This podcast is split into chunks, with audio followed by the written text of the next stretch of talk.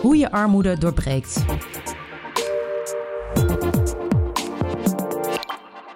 Je luistert naar een podcast waarin we op zoek gaan naar wat jij zelf voor een ander in armoede zou kunnen betekenen. Maar ook wat er zou moeten veranderen om armoede in ons land te doorbreken. Deze podcast is een aanvulling op het gelijknamige boek. Ik ben Elma Vriesekolk en ik ga in gesprek met gasten die ons inspireren vanuit hun eigen vakgebied en ervaring. In deze podcast bespreken we het hoofdstuk Investeer in onderwijs. Dit doe ik met Astrid van Daal en Carinda Jansen. Astrid van Daal werkt als Agora-coach en Carinda Jansen is werkzaam bij de HAN en onderzoeker bij de werkplaats Sociaal Domein Arnhem en Nijmegen. Welkom allebei. Uh, het thema waar wij met elkaar over in gesprek gaan is investeren in onderwijs. Uh, volgens de cijfers groeit 1 op de 12 kinderen op in armoede. En Arjen Vliegendhart zegt in het boek: uh, Kinderen die opgroeien in armoede missen kansen die andere kinderen wel krijgen. Uh, we kunnen in Nederland allemaal naar school. Hè? We hebben allemaal het recht om basisonderwijs te volgen, middelbaar, middelbare school. waarom zijn de kansen voor kinderen die in armoede opgroeien dan toch niet gelijk aan die van mensen die in rijkdom opgroeien? Wie van jullie wil daar iets over zeggen? Ik wil daar heel graag iets uh, over zeggen. Mijn naam is Karinda Jansen en ik ben onderzoeker bij de werkplaats uh, Sociaal Domein Arnhem en Nijmegen. Um, ik wil heel graag een voorbeeld geven, want ik um, werk in mijn vrije tijd uh, ook als vrijwilliger voor de voedselbank. En daar had ik de laatste situatie van een jonge jongen, ik denk een jaar of veertien. die kwam het, de pakketten halen voor zijn gezin, voor het gezin. Uh, van zes personen. En hij was met zo'n gammel fietsje. En daar moest al het eten voor, die, voor dat hele gezin moest hij meenemen. En hij mocht ook een doos meenemen van jarig Job. Dus dat was voor een jarig broertje of zusje. Dat is een flink, flinke doos. Dat is een hartstikke mooi initiatief. Dus hij had en vier shoppers aan die oude fiets. En hij moest eigenlijk ook die doos nog meenemen. Dat paste allemaal niet meer. En toen zei een van mijn collega's, eh, vrijwilligers, die zei, dan kom je zo toch terug. Toen zei hij, nee dat kan niet, want ik moet zo nog tentamens maken. En um, de, ja, ik vind dat echt zo'n treurig verhaal. Weet je, die jongen, hè, dat, er is eten voor dat gezin natuurlijk. Hè. We zorgen, als het even kan, zorgen we wel voor de mensen. Dus er is eten voor dat gezin. Die jongen kan gewoon naar school. Maar in wat voor een uh, situatie gaat hij aan dat tentamen beginnen? En hoe gelijk zijn dan de kansen als je dat afzet tegen een kind van dezelfde leeftijd die naar school wordt gebracht voor de deur, helemaal gepamperd en in de, enzovoort. Dat, dat vind ik. Um, nou ja, ik heb er van tevoren natuurlijk over nagedacht en ik vond dit een voorbeeld om, om aan te geven. Dat is ongelijkheid. Ja, en wat doet het ook? Wat gaat er in het hoofd om hè, van het kind uh, rondom uh, alles wat hij dus nog meer moet doen, behalve tentamens uh, leren? Ja, ik weet er verder niks van, maar ik verwacht dat deze jongen veel op zijn schouders krijgt in dat gezin. Want waar zijn papa of mama of beide? S ochtends vroeg bij de voedselbank, hè? waarom is hij daar? iedere week, iedere vrijdag is hij daar. Ja, en hoe oud is deze jongen, weet je dat? Ja, ik schat in dat hij 14 is, 15. Ja. Ja, ja dus is een goed voorbeeld van uh, op school lijkt het misschien hetzelfde, maar buitenschool uh, of alles daaromheen is dus helemaal niet hetzelfde. Precies, dus als, al, al krijgt dit kind exact hetzelfde op school aangereikt, dan nog heeft hij een achterstand door alles wat hij verder te, te, te dragen heeft. Ja, en ik wil er graag een aanvulling uh, op geven. Ik ben uh, Astrid van Daal. Uh, ik heb dus hier uh, bij de HAN jarenlang gewerkt als lerarenopleider. En ben ook studieloopbaanbegeleider geweest. En ik ben vaak, ja niet vaak, maar wel regelmatig studenten tegengekomen die op een duur vertelden van, ja ik ben er niet zo vaak, want ik moet werken. Ja, maar je hebt toch een voltijdstudie gekozen. Dan verwacht ik toch dat je 40 uur stopt in die week. Ja, maar deze jongens die moeten ook zorgen voor hun moeder, die alleenstaand is. Uh, en uh, ja, dat lijkt dan voor hen vanzelfsprekend dat dat zo is. En uh, regelmatig heb ik uh, studenten gezien waar ik van dacht, ze hebben wel de capaciteiten, maar ze stopten met een studie, omdat ze het uh, niet konden bolwerken om al die petten te combineren met elkaar. Ja, dus er komen eigenlijk allerlei randzaken bij, hè? Die, ze, die ze afleidt van waar ze mee bezig zouden moeten zijn. Ja. Als, ik jou zo, als ik jullie allebei zo hoor. En dan hebben we het nu over grotere kinderen of onze studenten bij de HAM. Ja. Uh, maar dat geldt natuurlijk ook in het basisonderwijs, want ook die kinderen krijgen op de een of andere manier te maken met de zorg die er is doordat er uh, geldproblemen zijn. Ja. Het levert veel stress op. Ja, en kun je ook voorbeelden daarvan noemen van hoe dat in het basisonderwijs doorwerkt? Nou, ja, ik, ik, het, het basisonderwijs, eh, al moet je je voorstellen als er thuis veel stress is. Ehm, onder stress leert een kind, of wie dan ook, niet optimaal. Dat is, eh, eh, dat is wetenschappelijk onderzocht. Ehm, dus het is van belang dat een kind geen stress heeft. Maar die context, die kunnen we niet eh, altijd, die hebben we niet altijd in de hand.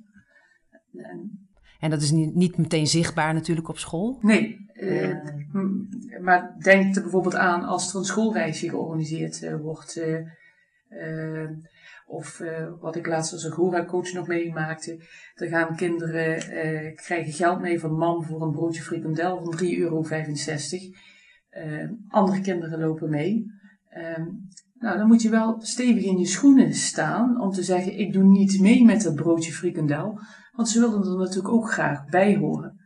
En eh, dat, dat zorgt ook voor uh, stress en, en, en uh, ja. Ja, beide kanten op. Want als ja. je het geld wel uitgeeft, dan, uh, dan doe je zelf iets aan. Ja.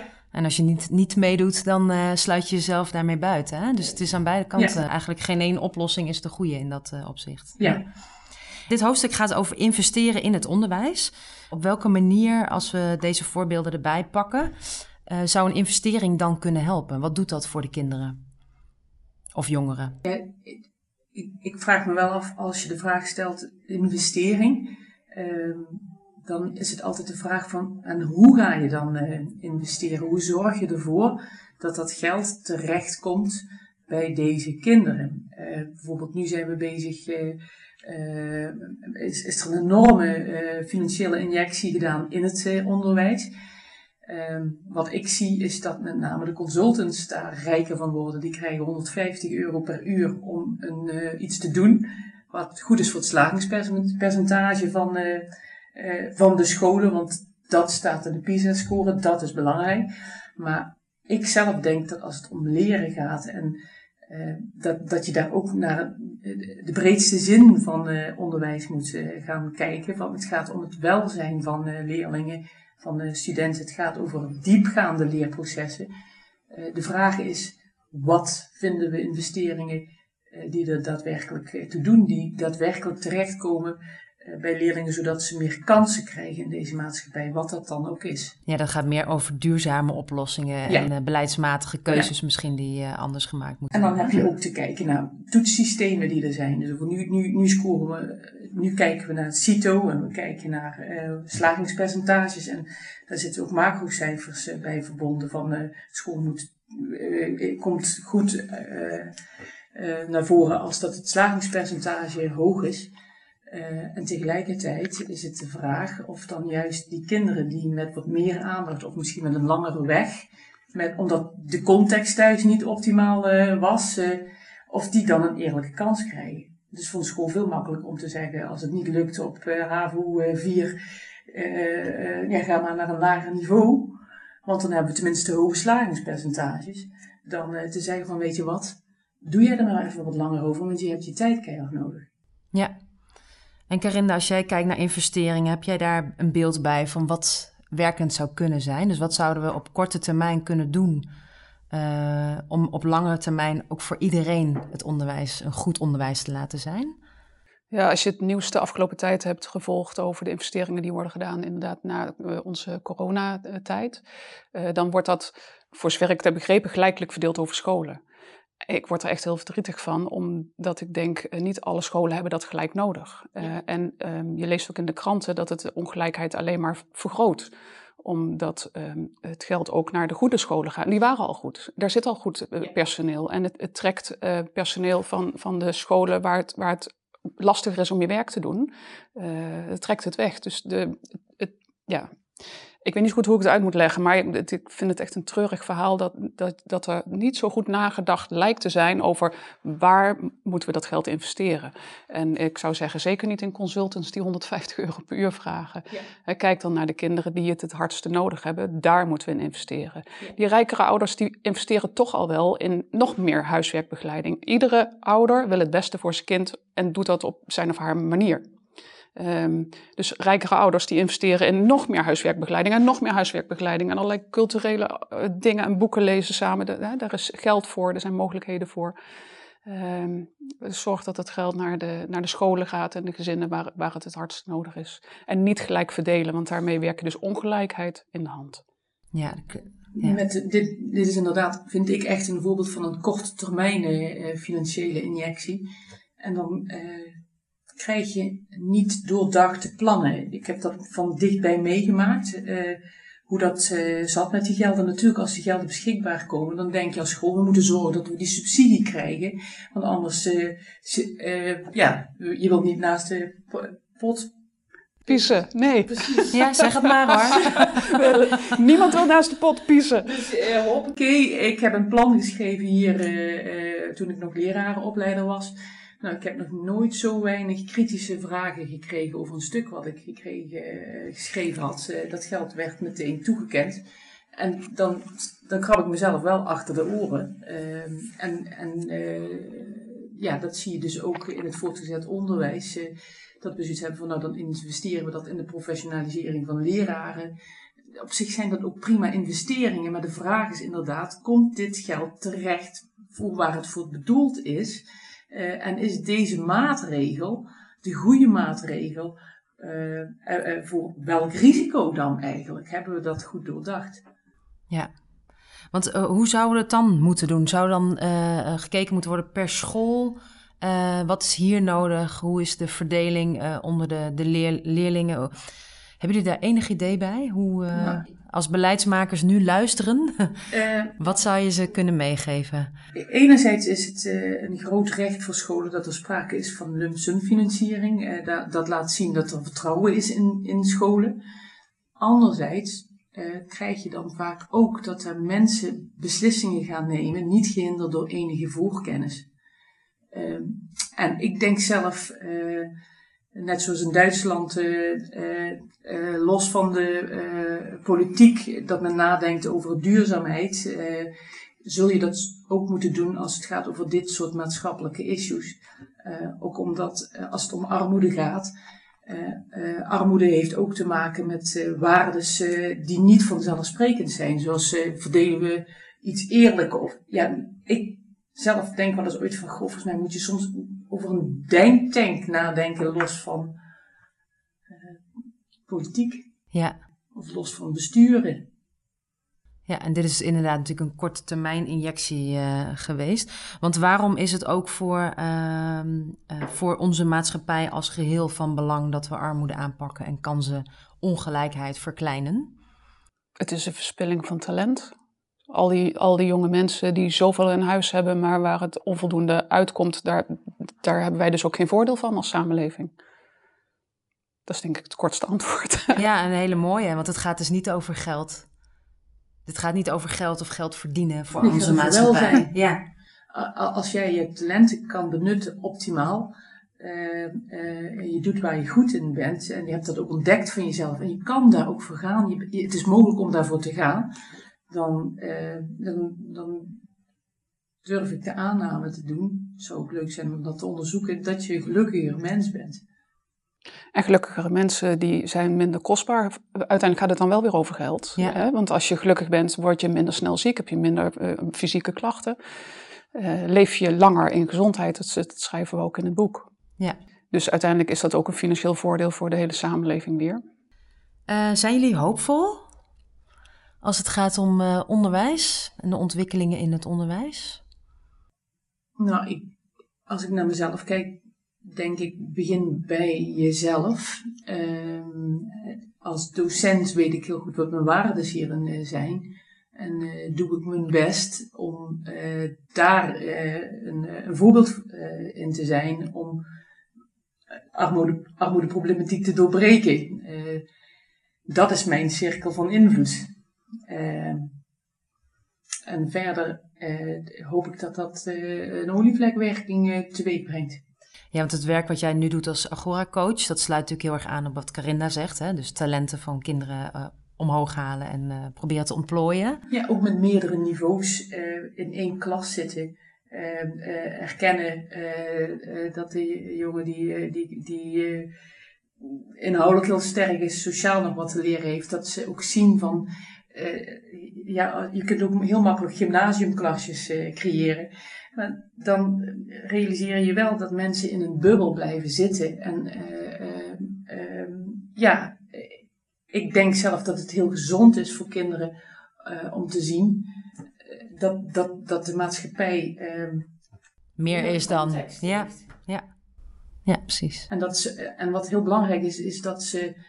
Uh, uh, dat kinderen empathie ontwikkelen, uh, zich bewust worden van waardes. Ehm, laatst heb ik een gedragsexperiment gedaan met visjes vangen in een vijver. en wat je dan ziet is dat als er liggen allemaal visjes in de vijver en iedereen is visser en ze mogen gaan vissen en iedereen graait en krijgt 1 euro per visje. En ronde 2, nou dan is er niks meer in die vijver, dan mogen ze weer gaan vissen en er is niks meer. En dan krabben ze zich achter de oren. Um, dat soort spelletjes, dat zorgt voor bewustwording ja. van hey, wat gebeurt hier nou?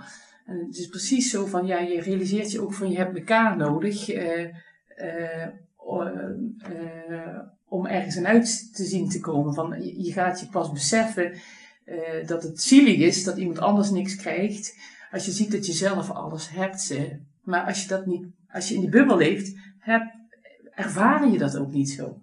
Ik moet wel meteen denken aan de experience die binnen de hand is ontwikkeld, Krenda, over uh, uh, nou ja, beleven hoe het is om in armoede te leven.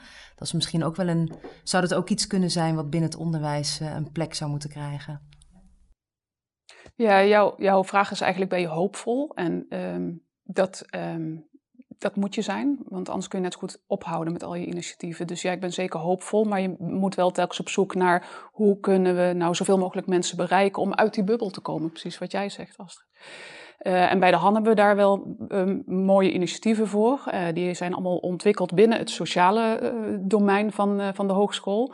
Maar heel langzaamaan zie je dat bijvoorbeeld ook de collega's van economie zich verantwoordelijk gaan voelen. En dat die studenten ook wakker worden. Misschien waren ze dat al hoor, maar dat die ook zich verantwoordelijk voelen voor hun aandeel in de samenleving waar ze later als professional naartoe gaan. Um, en dat geldt ook voor educatie, dat geldt voor pedagogiek en bij recht. Daar zitten steeds meer collega's die vinden um, armoede gaat ons allemaal aan, dus ons ook. En uh, die zetten zich in om onze jonge professionals voor te bereiden op uh, een, uh, een, kijkje buiten de bubbel. En ik denk dat we, dat, dat heel hoopvol is. Ja, nou, dat klinkt als heel mooi, want waar alle werelden bij elkaar komen, dus eigenlijk wat jij ook net schetste. Nou, volgens mij uh, hebben we veel op kunnen halen bij jullie. we zijn er nog lang niet. maar um, volgens mij, nou, mensen die luisteren, die kunnen hier echt wel iets mee, denk ik. En mochten ze meer willen weten, kunnen we sowieso kijken op de website. Dat wordt ook onder de podcast vermeld, waar mensen meer informatie kunnen vinden. En ik wil jullie heel erg bedanken voor dit gesprek. En nou ja, tot een volgende keer. Graag gedaan.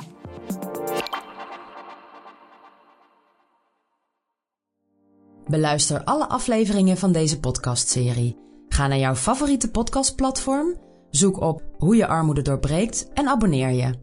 Wil je het boek gratis downloaden of bestellen? Ga dan naar www.han.nl/armoedeboek.